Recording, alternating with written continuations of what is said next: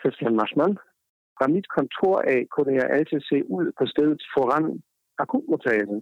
Øhm, og vi har haft tit nogle patienter, der stod der, ventede, røg en smøg og ventede på hver CT-scanning af deres øh, rygsøjle. Og de havde på det tidspunkt den der stive halskrav på.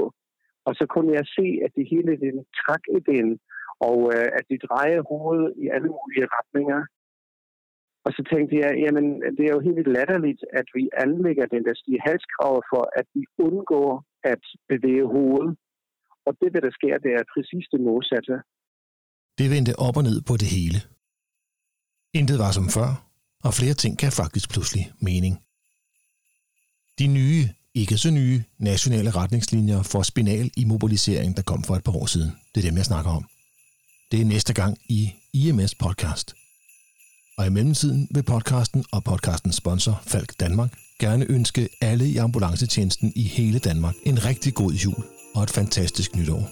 Særligt til dem, der skal være på arbejde i julen og nytårsaften. Pas godt på jer selv og hinanden, og vi høres ved efter nytår.